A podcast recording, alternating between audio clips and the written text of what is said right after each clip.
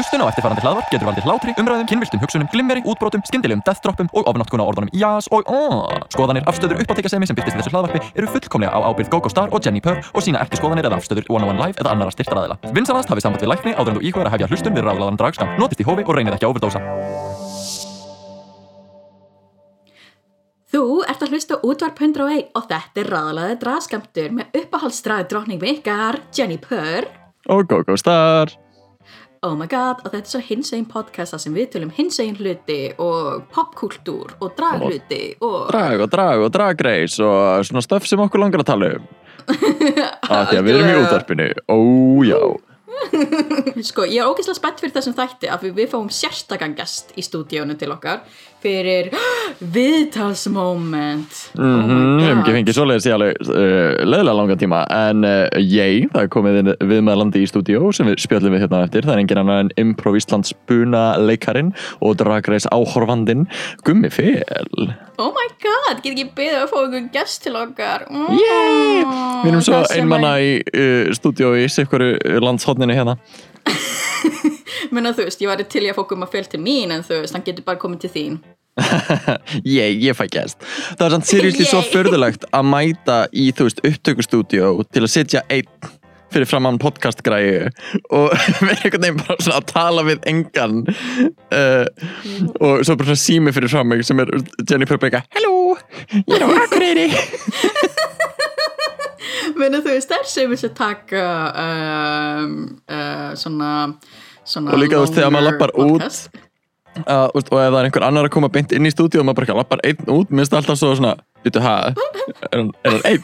Ok Work uh, veist, að þetta er sett upp fyrir fjóra eða fleiri, alltaf þannig að maður svona, já, já vel Já, gert við bara, byttu, erum við búin að býða hérna eftir stúdíu af því þú veist í hláturkasti að leikna í stúdíu ég mæti bara hinga til að horfa á Drag Race og hafa hugulegt Getum við please bara einhvern tíma verið í stúdíunu í bara í tebóðu og, og þá eru á Instagram live með svona live react uh, við COVID specialin Oh my god. Oh, oh my god, the COVID special við væri bara eitthvað bú, hendandi pop í sjómar það, það væri mjög óspennandi Instagram live. En já, þú ert að fá gumma til okkar. Við erum að henda í uh, viðtalsmoment uh, sem við hefum ekki gert í einhvern smá tíma út á COVID og svona. Oh my god. Ef Let's reyna, do this. ef við reyna á djungulegðu ok, E- Eigum við að reyna? já, já, já, Ok, þetta ok er viðtalsmoment Þess moment. Viðtalsmoment, yeah. Við tökum viðtal Þetta var glæsilegt Þetta var unaslegt, aldrei verið betra. Aldrei verið betra. Ómögulegt að gera þetta á sama tíma. En já, við erum með æðslan gest hérna í stúdíónu uh, Og hann er bara sannkallaður lokal improv sérfræðingur Mentaður sviðishöfundur Hann er leikari, leikstjóri, spunakennari Listrætt stjórnandi improv Ísland Podcastari, nýbakaður faðir Og sannur drag aðdáandi Þetta er engin annar en Guðmundur Felixson Halló! Hei Hæ Hæ, ógæslega gaman að koma þér hingað í stúdíóið Herri bara geggja að vera hérna. Gaman að sjá ykkur. Já, bara Sem er leiðis Þetta var geggju kynning. Þú sagðir held ég allt sem ég er. Já, ég reynda, ekki neinu. ég reynda að kafa aðeins í þetta því að þú ert uh, mjög fjölhæfi náungi. Já, fórst í rannsóknarvinnu. Já, alveg smá. Las svona gömul viðtöl og Já, wow Love it. Mér svo ég dýrka það þegar ég fyrir viðtöl einhvern að það sé, veist, vísað í eitthvað sem maður hefur byggt á samræðum sem maður hefur átt við einhvern annan. Já, að ok. svolítið svona veist, eitthvað sem maður hefur sagt annars staðar hvort sem það er veist, að ég sagði uppáhaldslægi mitt væri þetta eða eitthvað að svona einhvern veginn taka það lengra þannig að maður sé ekki allan að það þreytir mig mjög mikið að vera endalist að tala um sömu hlutina því það vil oft gerast í Já. drag viðtölum Mhm. þetta er svona, hvað tekur langa tíma að gera þig til? Já, já, já, já, Hvernig tökkar maður? já, Ég vil samt vita það. Getum við getur getur þig smá pásu? Sko ég ætla bara, við erum nokkur origami-vídeó sem er svona ákveðin grunnur Eh, En já, þetta er, Býtu þannig að þú ert búin að lesa ykkur viðtölu um mig og ert að fara að koma uh, Þú segir í fréttablaðinu uh, 25. mars. Sko, ég er yfirleitt gerði í það, en núna erum við svolítið að fókusa einmitt, sérstaklega á improv, þannig að ég vona að þetta sé svona tiltöla uh, nýjar upplýsingar sem eru að koma fram, það er að Já. segja uh, improv sem tengist RuPaul's Drag Race. Akkurat, já, það er náttúrulega sko, já, ég, ég er sagt spunaleikari og listarættstjórnandi Improv Ísland og spuna samfélagið á Íslandi er orðið, já, alltaf að stækka og stækka og hérna, þú hefur komið á námskeið og, og hérna, Krissi, þú ætlar að koma á námskeið einhvern tímann. Já, já, það er bara apparently verið improv námski á Akureyri sem ég er spennt fyrir. Aha. Já, En þú hefur líka verið með, þú varst líka með workshop fyrir keppendur í dragkeppni Íslands Já. árið 2019 já, einmitt. sem var bara, hafa tekið mjög vel í það. það var mjög gaman að að fá að hérna, vera með nokkra dragperformera og prófa að gera smá svona spuna workshop af því að já, drag og spuni er náttúrulega rosalega tengdir hlutir sem góð dragdrottning eða dragperformer þá þarftu að geta spunnið um, innan ákveðins ramma sko. og hérna horfandi á þess að þætti þá sér maður alveg svona stundum alveg bara svona já, þetta er góð spunaleikari þess vegna er þetta að virka vel og, og svo öfugt sko. Einmitt, veist, þetta er, uh, ég myndi segja líka bara eins og fyrir mig að fara á spunanámskeið og svona skilja ákveðin grunn af bara veist, þeirri sviðstækni já, bara hjálpa manni, veist, ekki bara almennt í lífinu en sérstaklega finnst mér upp á sviði að það er þetta bara uh, að taka þessi skrefi að vera óhrættari við að stígi fótinn og að grípa mækin Já. og bara svona láta hlutina virka og Já. eigna sér mistökinu og allt það Akkurat, það er til dæmis hérna, góði punktur að eigna sér mistökin sko. það er kannski eitthvað sem að sem að maður hefur séð smá í, í þessum improv challenges í uh, RuPaul's Drag Race. Að þú veist, mistökin eru gjafir. Og ef að þú ert bara að fara inn í þetta með það attitude, það mentality að bara það sem gerist, það gerist og við nýtum það til góðs þeir sem að fara með það mentality hérna, græða á því, en svo eru sumir sem eru bara svona kannski um, ég, þú veist að því að, að því að vera dragdrottning og gera þessi improv challenges þá ertu svona kannski búin að ákveðsumt og þú ert að spinna annað. Veist, ég veit ekki alveg hversu mikið þau eru búin að ákveða þegar þau fara inn í þessar Nákvæmlega. þætti og það. En sumir eru bara ofastir í því sem þau eru búin að ákveða. Og ef það gerast eitthvað mistök þá geta þau ekki farið með flæðinu einhvern veginn. Einmitt, þú veist, minnst líka stundum að þá einhvern veginn fer einhver inn í eitthvað tannsabrika en ég er með svona hárkvöldi, ég myndi aldrei gera þetta, veist, Já, bara, bara, út frá einhverju drag personalityinu Já. já, einmitt. En, þetta snýst rosalega mikið um að segja já. Það er náttúrulega fyrsta regla bara yes and. Segja já og og þú veist þú kemst rosalega langt á því að bara ef, að, ef að það gerist eitthvað hérna, óvænt, þú verður bara að segja já við því og einhvern veginn láta það virka sko. Mhm. en kannski fyrir þá sem er að hlusta og er ekki alveg með á hreinu hvað improv eða spuni alveg er Já. Getur kannski útskýrt að- svona smá grunn Já, algjörlega. Sko, spuna leikhús er uh, leikhús án handrits og það sem við gerum eru síningar sem eru kannski klukktíma langar, uh, skiptar upp í þú veist 25 minúna segments. Og það er allt búið til á staðnum. Þegar við mætum á svið þá bara hérna veitum við ekkert hvað er að fara að gerast. Og við byggjum um orð úr sal og, eða sögur frá áhörundum eitthvað svo sem er svona innblásturinn fyrir spunan og þetta er ákveðin tækni, við æfum saman og við erum með leikhóp sem að þú veist hittist vikulega og æfir. Og hérna sögum fyrst pínu skrítið að, að því þetta er allt búið til á staðnum að æfi, en þetta er svolítið eins og að æfa sko íþrótt, maður er að æfa vöðvana, bara þú veist hérna hvernig maður, tæknina í rauninni sko, þannig að, um, þú veist aldrei nákvæmlega hvað er að fara að gerast í einhverjum fótballtaleik en nei nákvæmlega. En þú getur æft lærin.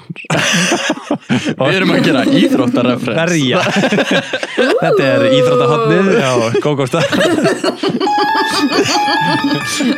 dramatíst Við erum so versatile. algjörlega, við getum allt. En eitt sem ég teki eftir með sko drag og spuna að mist svona á íslensku getur verið svolítið erfitt að tala um hitt og þetta að því að bara það er svo mikill ennskur orðaforði. Já, yfir einhvern veginn flest allt og rosalega mörg hugtök. Svona fyrir bara eitthvað, já, æ, þú ert að gera meira svona bara eitthvað, ert að mappa þetta eða, Já, mennur spuna hugtök já, svona, og draghugtök líka að það er um þetta að vera veist, uh, straight maðurinn rödd, uh, rödd skynseminar Já, akkurat. Í, við sko við erum að stela þessari tækni bara frá hérna, UCB sem er spunaskóli í bandaríkjunum og þetta er svona einhver rosalega bandarísk menning. Uh, kannski svolítið eins og drag menningin, eða ég veit ekki. En hérna, þetta er bara, við erum að taka allir þessi hugtök og við erum svona hálf búin að þýða sum og eitthvað, en, en maður nær stundum ekkert alveg utanum, þú veist, við tölum alltaf um, já, sérst í senum þá er alltaf eitt skrítin og einn venjulegur og þessi venjulegi eins un-PC og það er hann kallast streytarinn. Að það að vera streyt er ógæslega venjulegt í spuna heiminum en ég hef ekki fundið gott hugtak yfir það að vera crazy og streyt þú veist, það væri bara eitthvað skrítið að bara, Nákvæmlega. Mér finnst það hljóma eitthvað svo aggressíft á íslensku að svona fara að byggja, já, þú ert venjulegur Já, og þú ert brjálaður. Þetta er eitthvað svo maður tala stundum um eitthvað rödd skinnseminar og, og sá sem hefur með óvinnilegu hugmyndafræðina og eitthvað mm -hmm. þannig að maður er alltaf að reyna að þýða þetta en, það gengur misvel sko. En einmitt, við erum með hérna, þennan spuna sérfræðing í stúdíóinu mm Mhm. Þannig okkur langar að kafa eðins í þessi improv challenges sem að er að finna í Drag Race já, og ég vant að fara yfir bara í smá preppi fyrir þetta svona hvaða uh, spuna challenges hafa verið í Drag Race já og uh, svona rak mér svolítið á það að eitt sem ég hafði ekki pælt í áður maður getur svolítið sortir það í tvent mér finnst annars vera svona snatch game sem að er þá veist, bara svona leikja þáttur þar sem það átt að vera celebrity já, og síðan uh, sest, bara eitthvað annað. Og Já. það er yfirlt tvö í öllum serjum já, en þetta eitthvað annað og snatch game er unni líka ég tók eftir í fyrst núna að þau eru alltaf að mappa aðra sjónvastætti akkurat. Það er, það er akkurat hérna, það sem þau gera og ég held að það sé bara svona til þess að gera þetta aðgengilegra fyrir áhorfandan frekar en þetta sé eitthvað við erum að búa til spuna aðstæður, bara eitthvað random. Þá er þetta, þetta er spjallþáttur eða hérna, fósitakappræður eða þú veist hvað sem það er og það er einhvern veginn bara svona þægilegra format. Eins og Snatch Game, það er einhvers konar format ég skil ekki alveg það format. Hvað á þetta að vera? Sko, svo hvernig leikur, hverjir eru reglurna í þessum leik? Er fólki sem situr þú veist, eru gestinni tveir eru það keppendunir Já, sko, upprunlega að þá er þetta byggt á match game sem ég skil ekki alveg heldur en ég ætla að koma mín, mína svona fræðalegur tilgáttur hérna að sérst, match game er þá, þá eru tvær bara svona uh, venju, uh, venjulegar uh, manneskjur bara svona sem skráðu sig og ég fekk að taka þátt í þettinum já, og þær fá einmitt eitthvað svona prompt að bara eitthvað, silly Sally is so silly that like, when she goes to the bathroom she blanks. Já, já, já. og skrifar eitthvað. Svo eru einhverjar frægar manneskjur á panel og þær eiga að reyna að sérst, matcha það sem að viðkomandi einhver sem er að gera er að skrifa. Einmitt. Og ef að það er sama eða sambærilegt að þá fær viðkomandi stig. Hver fær stig, frægamanneskjan? Nei, ekki frægumannskinn heldur hinn. Þannig að frægumannskinn er að reyna að vera snuðar en samt að reyna að fá einhvern til að vinna. Ó, ok, ég skil. Uh, En þetta er mjög fyrðulegt prompt og þetta er í rauninni bara svona að gefa frægumanneskjum eitthvað fyrðulegt prompt til að segja kjánulega hluti. Já, já, já. held ég að sé svona kjarnin af þessu. En og í Drag Race er þetta þú ert að leggja upp brandara fyrir karakterinn, algjörlega. Og stíin skipta engum máli. Einmitt, einmitt. Þannig að þetta er bara spurningum einmitt að uh, veist, koma með einhvað veist, mist, margir fókusar rosalega á að reyna að koma með einhverja svona brandara eða quips en ég held að miklu mikið vera að sé einhvern veginn að fókusa meira bara á karakterinn já, og akkurat. minnst líka það finnast að er yfirleitt svona einhvers konar interactions. Já, einmitt. Uh, ég sko ég mitt hérna skrifaði niður eh, eina pælingu um Snatch Game að það er sko uh, það sem er mjög mikilvægt í þessu er að það, sé, það sem þú ert að gera sé relatable á einhvern hátt. Að það sé, veist, að það sé skýrt og það sé relatable. Og veist, það er oft gert með bara einhverjum ókslega góðum eftirhelmum og þá ertu kannski að vísa í eitthvað sem að þessi karakter myndi segja eða eitthvað þannig. Og það er ókslega skýrt eða relatable. Og það er svona eitthvað, já, það er fyndið. Eh, eða þá bara að karakterinn sem þú ert búin að búa til, þú veist, maður þekkir ekkert alltaf reffan eða vísunina í þessum karakterum. En ef að karakterinn er skiljanlegur og ef að karakterinn er skýr þá er miklu auðveldara að vera fyndin sem sá karakter. Því ég er með mitt, við kallum það game. Uh, ég veit ekki hvernig ég útskýra það. Ég er með mína, mitt hegðunamunstur og þarna, ef áhorfandinn skilur mitt hegðunamunstur þá finnst honum það fyndið.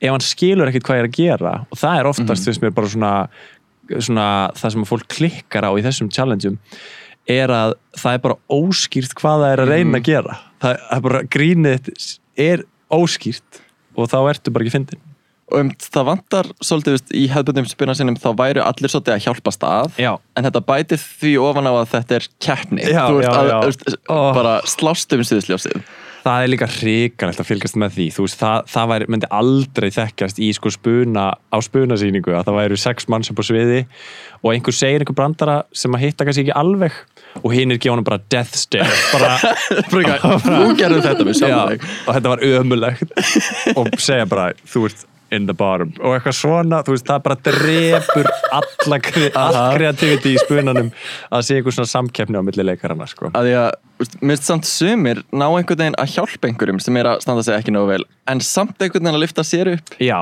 með því að svolítið svona, þú veist, einhver saði einhvern ekki góða brandar og bara, ok, þetta var ekkert fyndið. Að svona að nota það til þess að fá hlátur. Og það er einmitt, ég held að það séu bestu spunuleikararnir sem geta nýtt sko einmitt, geta hjálpað hinum að koma vel út. Þannig að ef þú segir eitthvað vandrarlegt þá ætla ég að notfæra mér það til þess að fá hlátur. Þá í rauninni líður þér vel að því að það kom hlátur Nákvæmlega. út frá því sem þú sagðir. Nákvæmlega og mér er svo gaman að fylgjast með hvað sumir koma inn í þetta uh, veist, haldan, bara hafa kannski aldrei prjóða spuna áður en veist, hafa kannski talað eitthvað í mikrofónu og svona. En bara að sjá þau svona, veist, kveikja á einhverjum ljósaperum og svona byrja að tengja nokkru hluti hvernig þetta virkar. Mm uh, en bara í Drag Race er einhverju svona uppáhalds uh, snatchgeimar sem að þér þetta er Herðu, nei, ég horfði sko býtu, ég kíkti aðeins á þetta í gerðkvöldi ég hef náttúrulega ekki hort á allar sér jú, herru, mér langar að minnast á nei, ah, ertu bara að tala um Snatch Game? uh, ekki endilega bara akkurat núna Sko, ok, mér langar að minnast á eitt punkt með Snatch Game sem er bara, þú veist, að oft í svona drag race þá finnst mér húmorinn snúast um tippi og píkur og Mjög það. þannig sem er geðveikt, sko það er ógeðslega að fyndi öll þessi pönn með uh, kynfæri og kynlíf og eitthvað. En það þarf ekki alltaf að vera það. Og þú veist, stundum finnst maður þess að fólk sé aðeins svo mikið að lína inn í það að gera bara eitthvað ógeðslega óviðigandi og það er einhvern veginn hittar ekki alveg að því að það er bara þú átt ekki alveg innistæði fyrir að vera svona ógeðslega dónaleg eða eitthvað.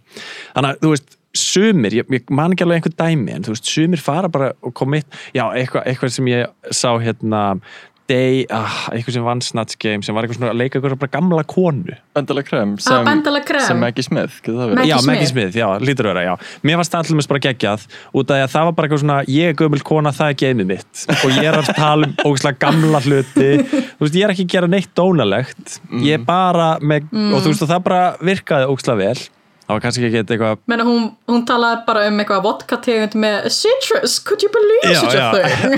eitthvað svona, það er rauninni í rauninni bara að stækka það hversu gömul hún er og hversu mikið henni finnst eitthvað flippað að vera með citrus flavor. Og það er rauninni þú veist, þegar man, manni maður talar um sko hætening í spuna að maður vil alltaf stækka og stækka og stækka. Og það er, sumi gera það mjög vel að byrja smátt og fara svo alltaf meir út í eitthvað rugl. En þarna var hún í rauninni að minka og minka og minka og það var bara, það virkaði bara mjög vel sko.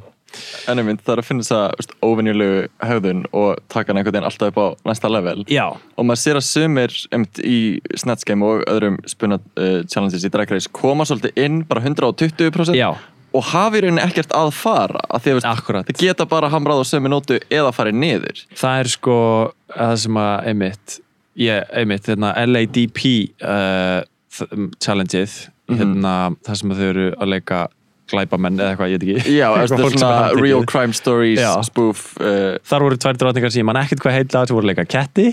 Ah, plastic tiara og Vanjie. nákvæmlega, djúvill eru þið með þetta reynu season 11 þóttni og þær sko byrjuðu einmitt bara í 100% catfight og Já.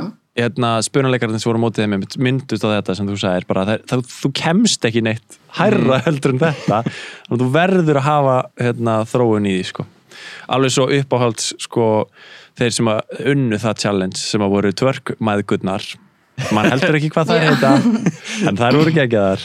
Akira og Evie Oddly Já, það var svo vel hætinað sko. það var bara, þú veist, það byrjar á einhverju svona smá rifrildi, smá tvörk og endar bara á einhverju grátkasti og tvörki og hún hleypur í burtu og er að tvörka og reyna að klifa upp grindverk og það er bara einhvern veginn það er svo náttúruleg svona hækkun í því, svona smátt og smátt stækka það Nákvæmlega, og um, bara talandi um þessi önnur uh, spunna challenge sem ég myndi vorum búin að minnast á að eru alltaf einhverjir aðrir þættir eins og það er mjög oft svona daytime TV Já, að veist, það er einhverjir svona uh, news anchors og síðan eru einhverjir með svona eitthvað fönderhotn og það eru með eitthvað svona uh, gossip já. og það myndast í, uh, eða er í nokkru myndum síðan er eins og veist, Bachelor sem Bachelor Jersey Justice sem er eitthvað svona Judge Judy LADP uh, Bobna efni og Fish Tank uh, Bossy Rossi. Já, sem er svona Dr. Phil uh, Sko- Maury Povich. er oft, sko, mér fannst nefnilega ég horfði á einn, hérna, á hérna fyrsta Bossy Rossi en uh, í gær og það fannst ég elska að sér búin að gera research. Já, ég er bara aðeins að kíkja á þetta. Aðeins, ég er ekki búin að horfa á allar seríunar sem eru fucking margar. Ég held að þetta væri bara eitthvað það sem ég sá á Netflix en nei, nei, nei þetta er meira en það. Hérna, ég horfði á smá Bossy Rossi í gær og það voru áhorfendur í sal. Er það oft í svona challenge með það? það er mjög oft. Það er, Af því það er nefnilega Aðalagi uppistands já, challenge þetta er aðalega þegar það er uppistand eða hérna, einhvers konar svona talent show. Að þá eru þið vilt með áhorundur en sjaldan í improv challenge sem ég finnst svo mikil auka pressa einhvern veginn Sko, það er auka pressa, já, já, og þú veist, þau geta alveg klift í einhver skot af heilli röð af áhorundum sem eru ekki að hlæja og það eigur einhvern veginn stressið. En fyrir mig að gera improv bara inn í einhverju stúdiói, það sem eru bara kamerumenn, það væri hræðilegt. Ég myndi klárlega vilja hafa áhorvendur Mhm. að því að improvi snýst svo mikið um það að hlusta á hlátur áhorvendana og hætina í þá átt. Þú veist, heyra, að þeim finnst þetta fyndið. Við ætlum að fara þangað. Og það er hérna, samtali sem að, maður á við sko, á, áhorfandan í improvinu að vita, já ég ætla að fara lengur í þess átt. Mér finnst þeir hafa nokkrar talað um sest, í Snatch Game og öðrum improv challengeum að hérna, það vita þeir að standa sig vel þegar kamerugaurarnir eru farnir að hlæja. Einmitt, þá ertu með, áhorfendur. Mhm. þá veistu hvert þú átt að fara. Og þú veist, ef þú ert ekki með þetta feedback frá áhorfendanum, þá bara þá veistu ekkert hvað þið fyndið og þá heldur þú bara áfram að vinna með eitthvað mm. einhverja einhverja reffa sem eru umlegir heldur áfram að segja uh, Kanada, nei, byrju hvað var það? Já, í- Jackie hérna. Cox. Já, Jackie Cox. Það var bara svo Já, svolítið hamra Jackie það ekki eitthvað sem hún var að hamra á einmitt og það var svona eitthvað, þetta er ekki alveg að virka.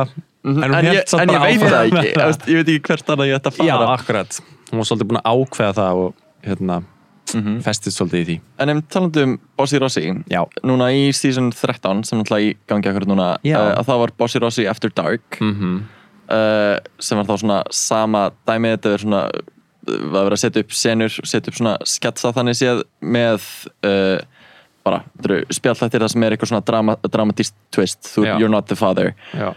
Uh, veistu, hvað finnst þér um challenges þar sem er svona mikil premissa? Þar sem er bara eitthvað þú ert þessi, þú ert þessi þetta eru búningar hand ykkur Já, já, og svona á þetta enda. Mér finnst það svolítið fyrðulegt og mér finnst svo fyrðulegt að kalla það improv challenge þegar það er basically lausskrifað handrið Já, eru það ekki með bara svona eitthvað þetta gerist, svo gerist þetta, svo gerist þetta en það er ekkert skrifaðu texti eða, eða er skrifaðu texti? ég held að sé ekki skrifað texti en Nei. þau fá sko karakterlýsingar. Já, og einmitt einhver svona story beats já, já, ég meina þetta er náttúrulega bara mis, þú veist, hérna, ég myndi aldrei gera svona spuna á sýningum Mm. uh, hjá Improv Ísland en þetta er bara annars konar, ég skil alveg ákvörðunin að gera þetta í sjónvarpi að þú vilt bara að það sé allavega eitthvað búið að establisera upp að miði og endi eitthvað, Mhm. en síðan, þú veist, þær sem eru góðar í þessu geta gert ógislega mikla og skemmtilega hluti inn í þessum ramma Mhm. það getur oft verið bara mjög skemmtilegt að hafa einhvern svona mjög þröngan ramma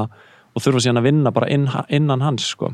þannig að mér fannst alveg virka vel hjá sumum sko, og kannski aðalega virka vel þegar að það er sko, voru bara skýrar um, eins og Jútika hérna, til dæmis vekk mikinn skít fyrir sinn performance í þessu improv challenge og mér fannst það aðalega vera bara út af því að það, það var ekki hægt að skilja Aha. hvert hún var að fara með þetta og einmitt með að þá líka vanta frá sko hinum að hjálpa henni veist, að segja bara Já. þú ert svona manneskja greinilega já, já, já. vantaði svolítið bara rödd skinnseminar er rosalega mikilvæg inn í svona improv challengeum og það ætti náttúrulega að vera Ross, hann Mhm. hvað er hann, Ross Ross Matthews já, Ross Matthews hann ætti náttúrulega að vera rödd skinnseminar í þessum aðstæðum sko en, en þetta er náttúrulega líka En stundum er hann bara þannig stundum situr hann bara og er bara eitthvað, oh my god. Manni líður svolítið einmitt, uh, í mörgum svona challengeum að allir fá crazy karakter já, sem er að berjast um já, að þá einhvern veginn vantar svo, svo eitthvað erfitt, svona sko. ground.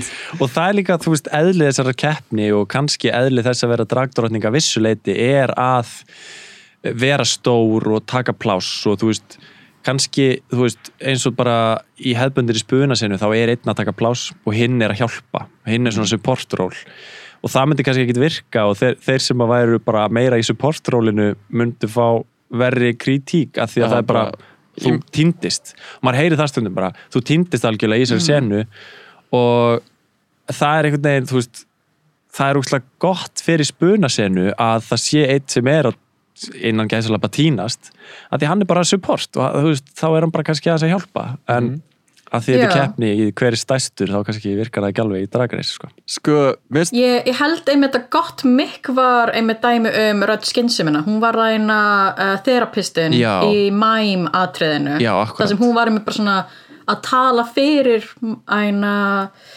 Olivia Lux sem var það mæmin, Mhm. eða látbrasleikarinn. Og hún var eiginlega bara svona, hún var sjálf ekki að stela seninni, hún var einmitt svona að leika með Olivia Lux. Einmitt. Hún var kannski ekki að fara alveg, þú veist, í finnustu línunar, en hún var samt einmitt svona örgulega það mest nálægt í að vera rætt skynsiminar á þessu í Akkurat, þessu en sísoni. henni tókst samt að gera það á fyndin hátt, eða þú veist það var skemmtilegu karakter í því og, og það er kannski einmitt eitthvað sem að þú veist, þú veist skiptir svolítið máli í þessu að veist, vera skemmtileg típa en vera samt líka bara svolítið tengdur við raunveruleikan þetta er skrítið, ég ætla að segja hvað er skrítið hérna, og hérna, þannig að það sé ekki bara hvað skrítið og skrítið og skrítið sko. Mhm.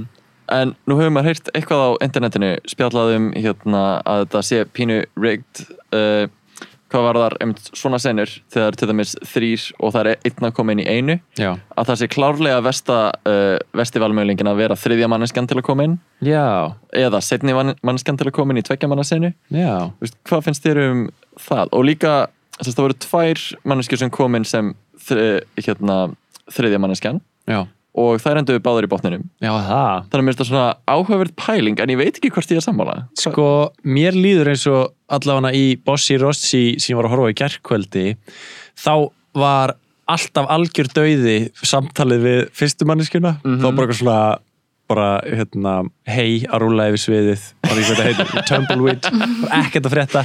Síðan kemur hérna, önnum manneskjan inn með bara rosa orku og eitthvað sliðis en ég held að auðvitað er betra að fá meiri sviðstíma auðvitað að fá hérna, meiri tækifæri til að segja brandara.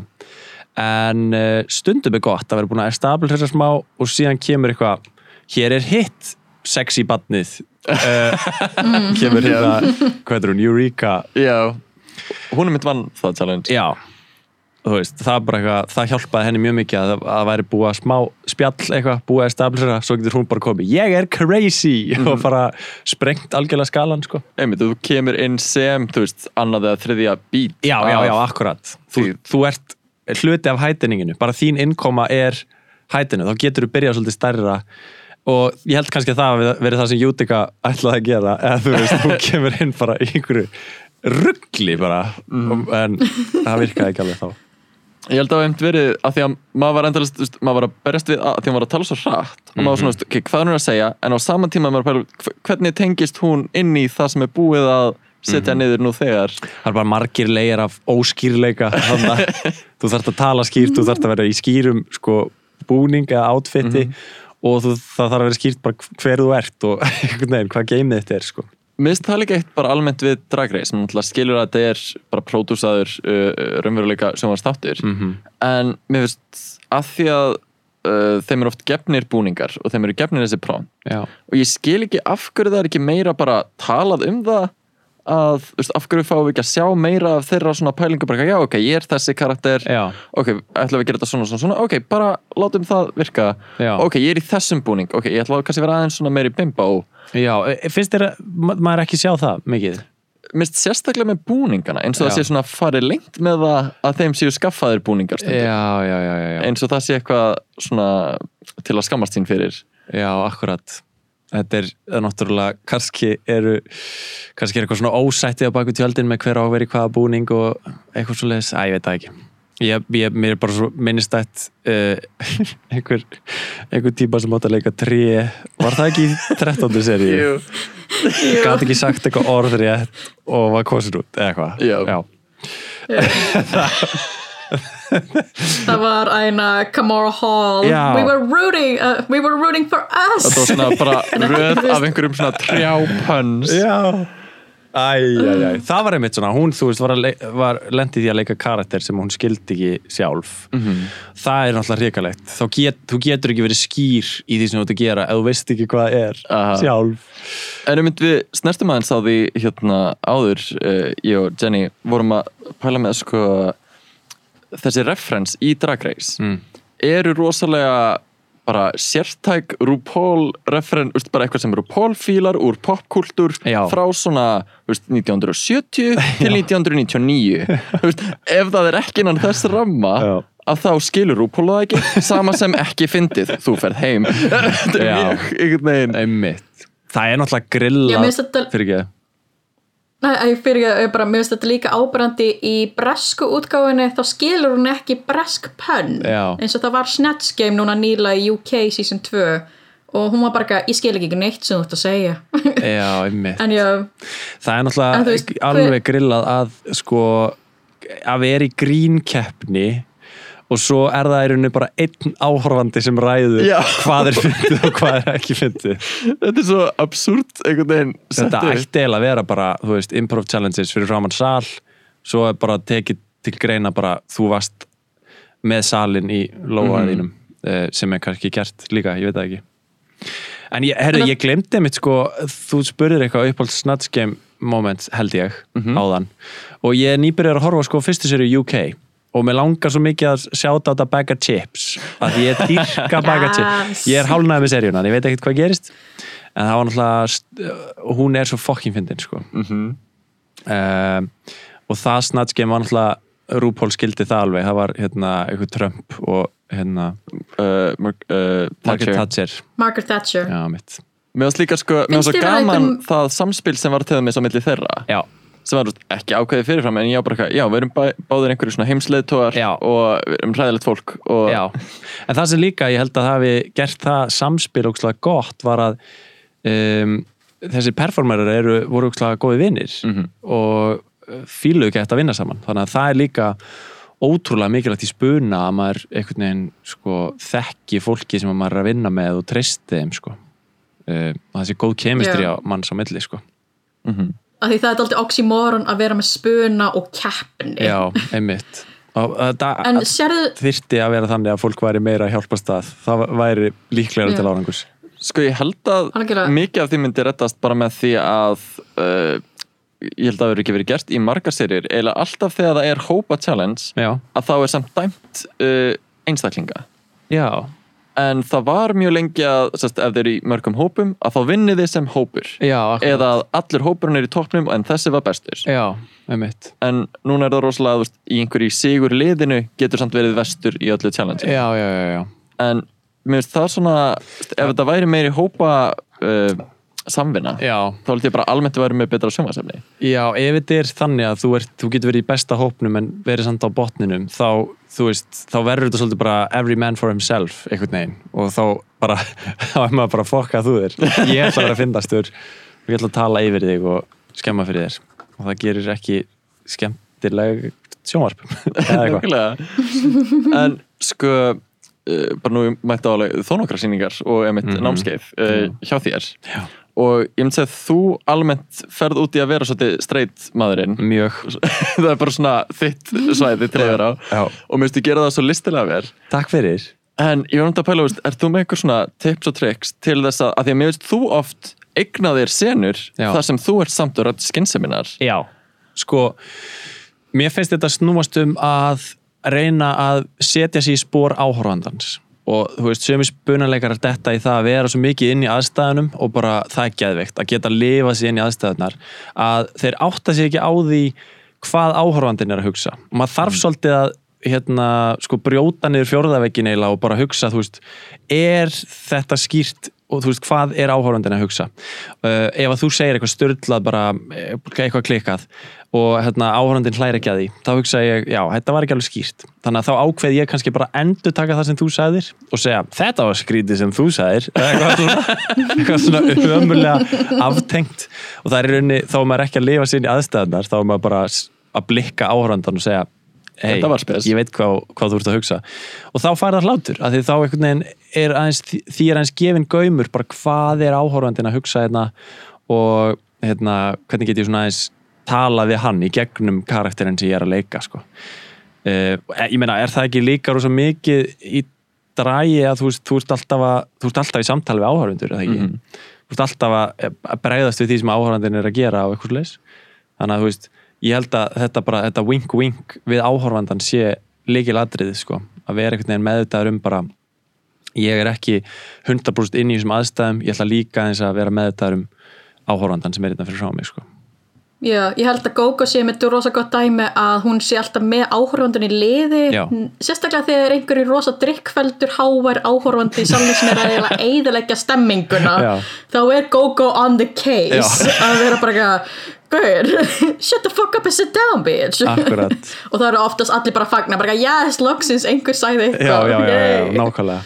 Það er líka bara, þú veist, e, e, til dæmis ef maður væri að sko lipsinga og væri bara algjörlega inn í aðstæðanum, bara inn í mómentinu inn í sér, einhvern veginn að lipsinga eins og maður væri að syngja fyrir 20.000 manns eða eitthvað, það er ekki jafn skemmtilegt eins og þegar maður er að lipsinga og kannski þú veist, horfir á einhvern og blikkar einhvern í salnum, eða þú veist bara maður verður að vera í tengingu við áhörundur og það er líka keisið í spuna, sko. Algjörlega, með bara svona dragperformance það í in general, þá finnst mér það svona sortirast svolítið í tvent, að það er annars vegar veist, bara mjög koreografað, þú veist, kannski með dansurum og einhverju brjáliði, Já. sem er bara er, þetta er bara dansnúmer meir en eitthvað annað sem bara búið að ákveða frá upphæðu til enda. Já, já, já, hins vegar er þetta svona basically spunaatriði með bara svona okkur, okkur við erum að gera þetta lag eða þessa, þennan hljóðbita eða ég er að syngja eða whatever. Og síðan bara gerist það sem gerist. Já. Að veist, einhver stendur upp og fer á barinn að þá getur maður kommentað á það. Já. og svona, veist, leiki sér með það sem er að gerast live og ég held að það sé svolítið það sem að, það er alveg það sem ég við ég er bara ég er bara, uh, þú veist, þú ert búin að vera að tala í tíu sekundur núna, ég er allan tíma búin að vera að hugsa um atrið sem ég sá þig gera einhvern tíman sem að var þar styrlaðasta sem ég hef séð, ég veit ekki eins og hvort ég má lýsa í podcastformi held að við þetta hvort tala um uh, halda fram þar sem að uh, keep going Gogo Star átti afmæli þennan dag held ok, ekki, það sem ég held að þetta en já, höldum áfram. Og það var pælinga enda atrið í headstandi og með hvað, eitthvað svona eh, grílukerti, nei, hérna, hvað heitir þetta? Ekki grílukerti Æ, svona eld já, með sko kerti sem ég var samt búin að setja stjörnuljós Já, í- stjörnuljós. í, kveikinn. Já, og stjörnuljós upp í raskatina þér. Og það er svona finali momentið og það hérna kviknaði ekki á stjörnuljósinu. Og það var bara svo fallegt hvernig þú nýttir það einhvern veginn sem bara ógeðsla fyndin endapunkt á hérna atriðið. Að það bara lægi kláraðist, allir klöppuðu. Uh, þú einhvern veginn bara reyðilega greipst kertið. Og var svo bara að byrja pyrraður bara "Eitthvað, Ég ætla, ég ætla að gera þetta sjálfur eitthvað svona. Sjálf og hérna tróðst ég aftur upp í þér og það var bara gæði bara vinna með mistökin. Mistökin eru gjafir og, og, hérna, og það var líka bara svo mikil meðutundum þú veist, ég er ekki bara hérna eitthvað ein að gera þetta atri það er fullt af fólki hérna sem sá mistökin og ég ætla að viðkenna mistökin og ég ætla að nýta þau til til að gera þetta áfram fyndið. Algjörlega. Þannig að læra því hvað heima krakkar. Krakkar, þið sem ætlið að vera dragdrottningar ekki gera þetta uh, strax þetta, var, þetta, var, þetta er svolítið advanced. Eh, ekki reynda heima hjá okkur Eh, uh, drag oh. En hvað væri svona þín hot tips fyrir einhvern sem væri mögulega að fara í drag race? Hint, hint, kannski go-go. Einmitt. Já, þú ætlar í það það er svolítið markmiði Já, hva, en má það? Ef Þú veist, þarf maður ekki að vera bandarískur Jú, maður þarf að sest, uh, á einn ein hátt eða annan mega eignast peninga í bandaríkunum Já. Er- er svona, úrst, Visa, work visa, úrst, það eru nokkra leiðir ok. uh, og svolítið í vinslu fór allt í pásu vegna COVID Já, En- vá, hvað er spennandi Við þurfum að fá Gogo starf í RuPaul maður Yes! Tjóðan það ekki þetta uh, Ég myndi segja bara, er það meira svona varandi improv? Já, Já, bara svona, að því improv og drag er eiginlega bara svona kallt. Já, sko Þannig, hvað getur maður lært að improv Já, já, já. Ég held sko, þú veist, þetta er náttúrulega flókið að samina það tvent að vera með drag persóna og að ætla síðan að fara í eitthvað svona improv challenge þar sem þú þarft kannski að svolítið að yfirgefa, kannski svolítið að þú varst að segja áðan með, ég er með svona hárkollu, ég get ekki gert þetta. Mm. Þarft svolítið að geta yfirgefið bara þitt konsept til þess að þjóna sko senunni sem er í gangi.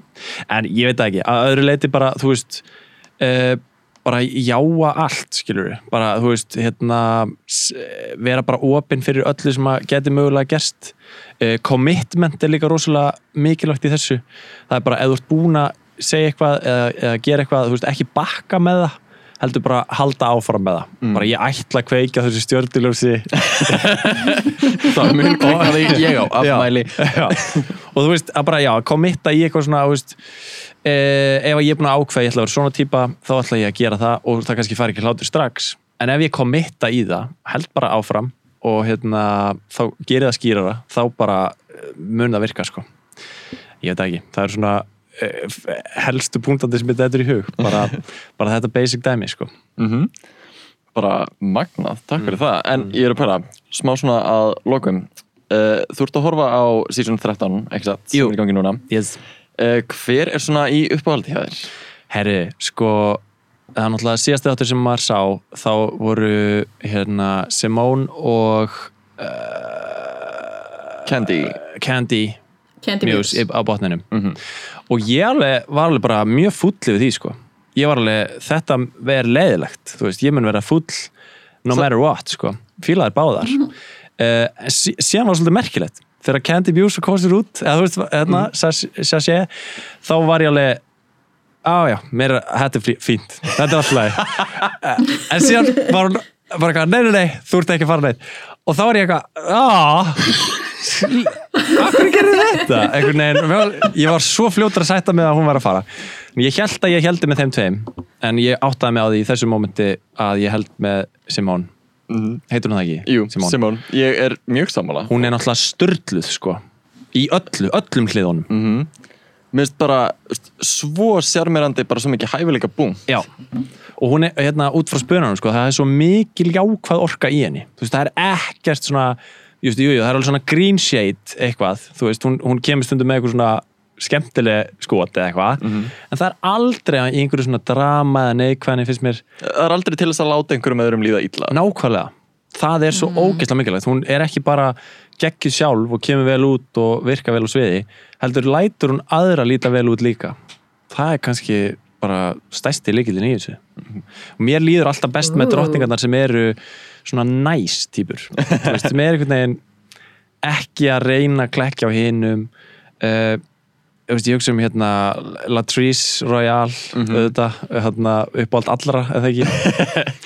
Yep, Bruka á yep. topp 5 listanum hjá bókstallega öllum. Já, nákvæmlega. Og, og hérna eh, ég man sem að var kosin út uh, fyrir stuttu Tamisha Eman Já, ég meina, mér fannst hennar væp vera bara svona, þú veist, ég ætla bara að láta alla allum líða vel, skilur, eða þú veist Að það leyti. fyrir svolítið svona eins og hjá Tamisha og nokkrum öðrum að það er svolítið fókus á ég vil að við sem hópur stöndum okkur vel Já. meira heldur en að ég beri af Já, akkurat og mér finnst það veist, yfirleitt gengur ekki það vel í Drag Race með þessu hugafæri Nei. en mér finnst það samt sem áður uh, ég veit ekki, þetta er það sem að virkar best í raunveruleikanum Já, akkurat Og- og, í spuna samhenginu Mhm. uh, að því ég er spunuleikari Var ég búin að segja að ég er spunuleikari?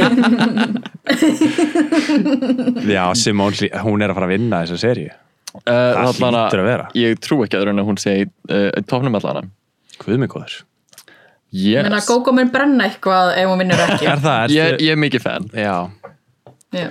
ég bara man ekki einu sinni neitt annan úr þessu Jú, gott mikk náttúrulega Ég eh, hérna, er miklu uppáldi líka Mist, með gott mikið líka sko, Yes. mist svo gaman uh, bara gott mikið er endalast að koma mér á óvart Já, já Ég, Ah. ég mitt hugsaði fyrst bara að þetta er eitthvað svona hrókafull típa um, sem er ekki að fara að endast lengi þarna einhvern veginn svona- vera mega vesen en síðan bara er þetta gett næs manneskja sko. og svo tilbúin til að einmitt, svona, æ, veist, ég veit ekki veist, hvernig ég veist, syngja og dansa er ekki alveg mitt þeng Já. lendi svo í toppnum í, í Rusical Þannig Challenge Já. og var bara eitthvað, vel gert þú að því hún seldi það þú veist, það, hérna, þetta rússa dæmi hana, Mhm. bara, þú veist eins og var sagt í Critiques, við erum að endur taka basically þessu dómnefnir sagði en það er bara commitmentið það er bara, þú veist, bara ég ætla að committa í þetta þó ég sé, þú veist, lélegur í þessu ég ætla bara að committa í þetta og hann að láta það virka yes. to make it algjörlega Já. og Já. bara gummið takk æðislega fyrir að koma inn í þáttinn til okkar bara geggja gaman að Já. koma, gaman að spjalla yes, bara búið að vera mjög næspjall ég fílaði alveg í bát mm. og uh, kannski bara svona er eitthvað í framtíð uh, Improv Íslands eða Improv skólan sem að væri til að snerta á? Já, bara, veist, það er hægt að koma á spununámskeið og ég mæli eindreið með því fyrir alla sem vilja koma fram einhvers staðar. Eða bara, já, fyrir fólk fyrir lífið.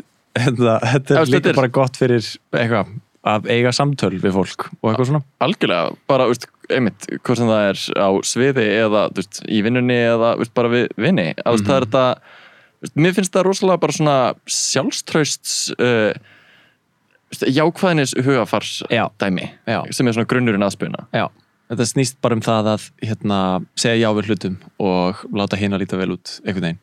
Þannig að það er hægt að koma á spyrunámskeið hjá Improv skólanum eða Improv Ísland og uh, síningar hjá Improv Ísland hefjast vonandi bráðum. það hefur búin að vera árspása hjá okkur. Það er óbærilegt uh, en núna fer þetta að byrja aftur. Yes. Ég lofa.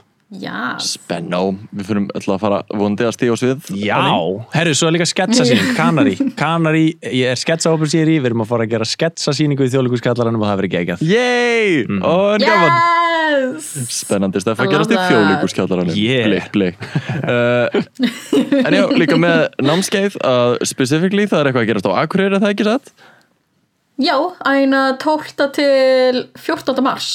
Þá er Dóra Jóhannsdóttir apparently með impronámskeið. Geðvegt Magna, Hún er spuna Já. mamma Íslands sko Tóts Jás! Þú veist, ef þið vilja læra þetta straight from the source þá farið til hennar Ooh, I'm into that. Þannig að eru fyrir norðan, endilega tjekka á því og annars veit ég að það eru byrjandanámskeið að fara, uh, fara að byrja þannig að endilega tjekkið verið í bandi og Ó, ég dyrka hvað erum að taka langan tíma í þetta plugg Já, það, ég, ég, ég, ég, er, ég er ekki að grínast, það er enginn að fá borgað fyrir, þetta plugginna sko. en bara Þetta er bara kvöld. þetta, er, þetta er svo mikið sko- málið, ég mæli svo rugg mikið með þessu Já. allavega Það sko, við erum, við erum nú þegar í þrejum kvöldu. Það er sko Er kvöldið. þetta í öldugaran kastið hún er uh, vinkun okkar frá Akureyri Yes Við erum alltaf að kissa peningan eitthvað og Mhm. gegja yes, you know. Herri, enn og eftir, takk aðeinslega fyrir að koma og bara lökum til að sjá þig uh, koma fram með einhver staðar í framtíðinni Semleis, bye Ok, bye Bye.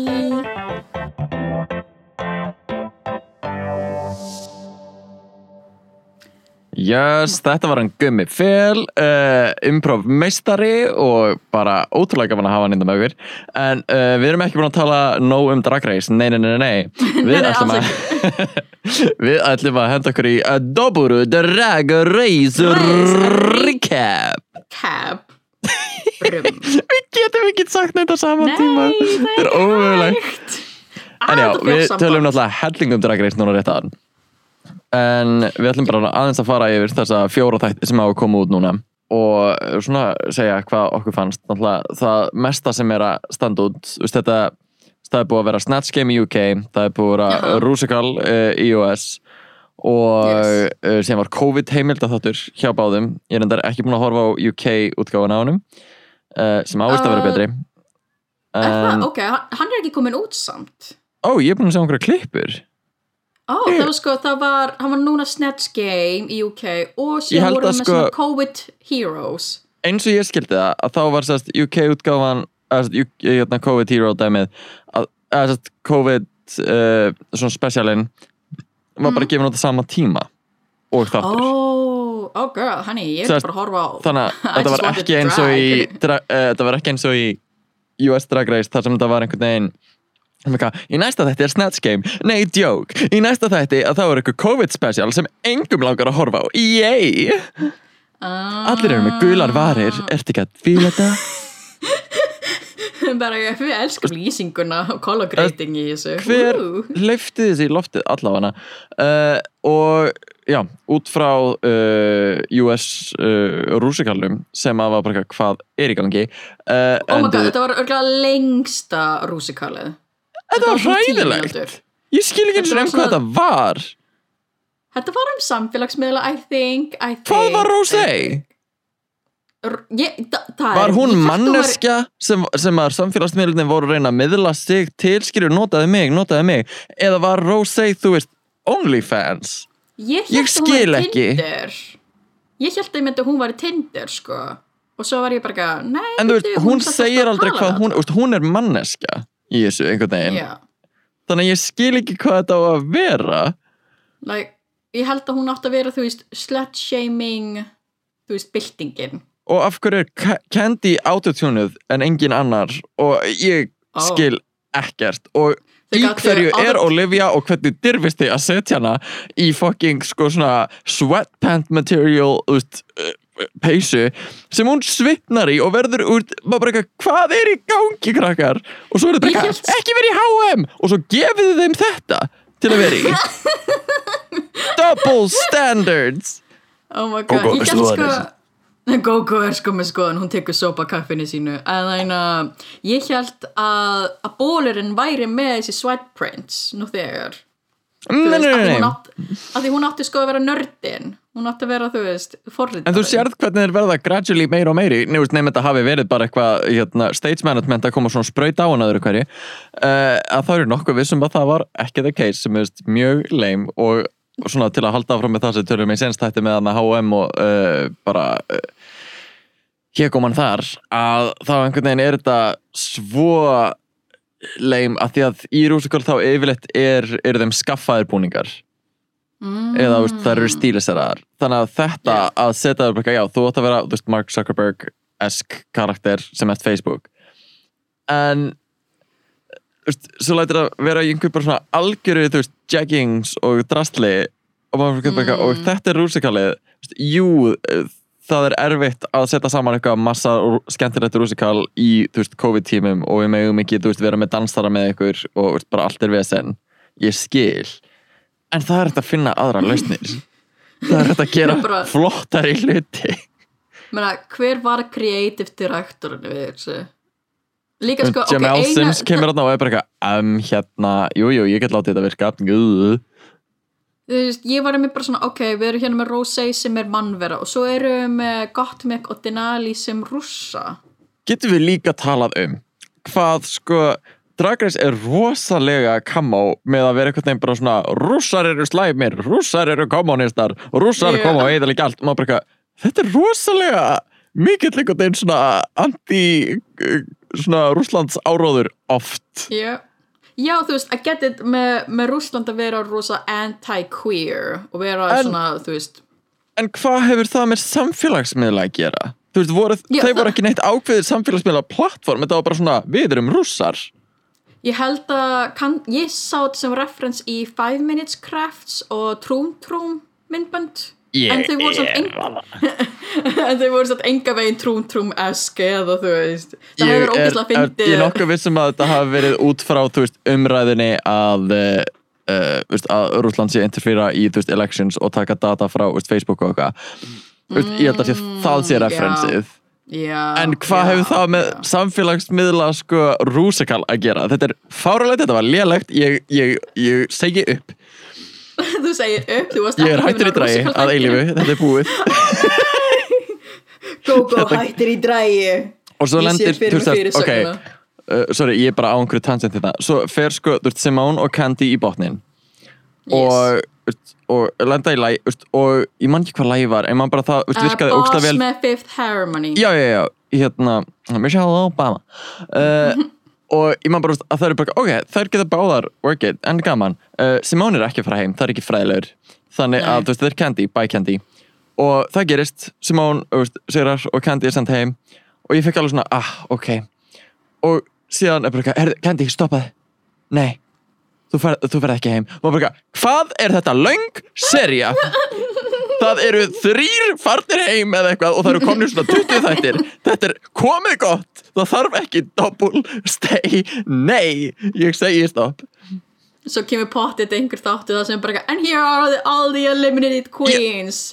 Sko, Rewind. það er eins gott að það verði veist, triple elimination næst eða eitthvað. Ég, þetta er bara komið gott. Já. er, er ég einnum þetta? Ég Nei, bara, sko, ég, sam, ég sammála, sko, en þú veist, þú veist, ég er bara ein á akkurir, ég hef ekkert annað að gera eftir en að Drag Race. mér finnst það bara orðið eitthvað svo þú veist, þegar maður er, að því að núna getur maður ekki annað gert en að bera þetta alltaf saman við UK að því þetta er í gangi á sama tíma.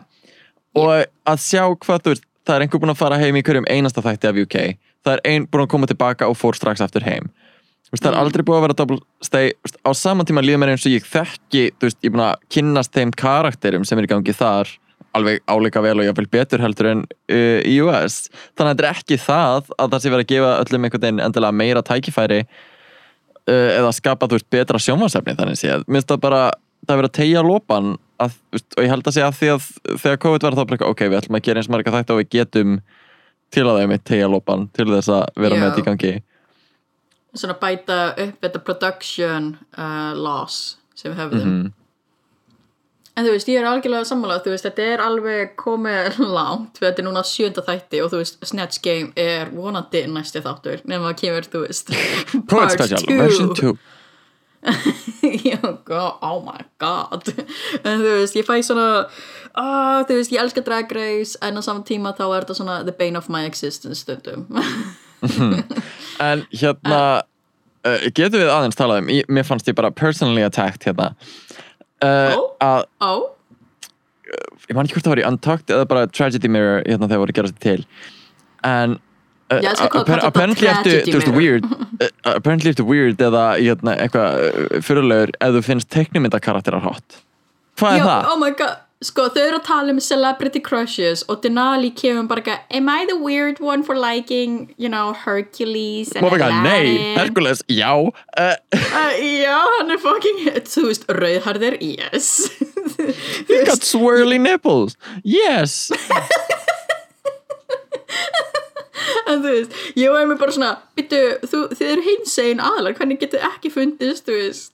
Aha Animated fólk, cool og var bara eitthvað, Denali, þú ert fyrðileg hvað er í gangi? maður bara heyrðu mig nú Já, feel very apparently attacked. við super weird Þú veist, þetta er ekkert eitthvað svona Þú veist I don't know, I don't know ég, bara- veist það bara seriously, er það svona fyrðilegt? Erum við bara, erum við bara eitthvað alveg út á tóni? Úst, comment below uh, Ég,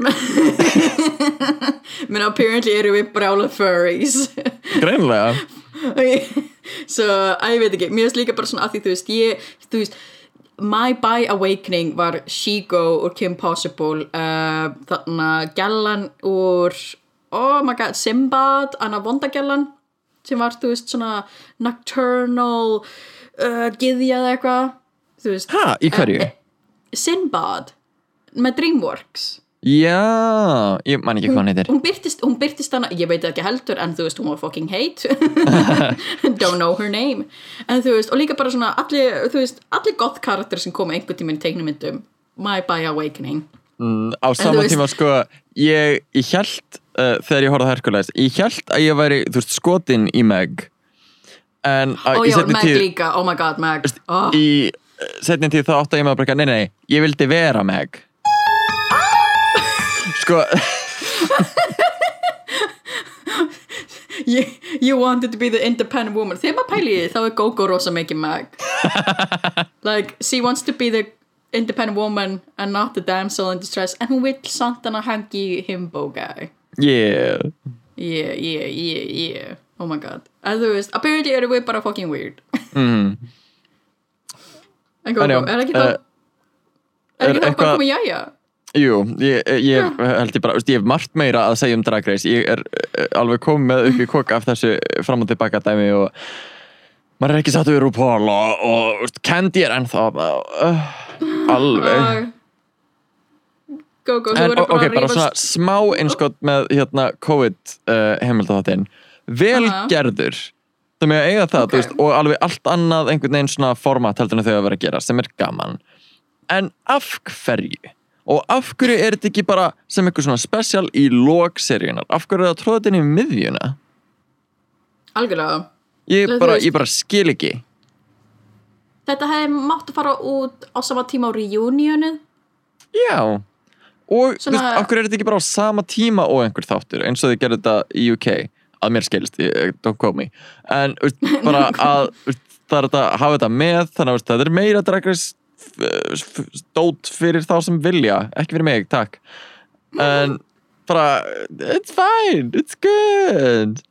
Minna þú veist Drag Race UK 3 verður komið út áður en þú veist season 13 líkur Svo, season 13 verður bara að eilífu skilur Season og season 13, þú 14 veist, byrjar áður en season 13 er búið. Þetta er Oh my god Það eru ennþá, það eru ennþá þarna, þú veist, Simone og Den- þú veist, Denali er ennþá, hún er ennþá safe uh, og er þarna bara alveg brjáluð. Og svo er bara, ok, við erum með surprise. Season 14 gælunar eru komnar í hús og þær byrja að lappa inn og, og Denali er ennþá og bara, hvað er í gangi? Uh,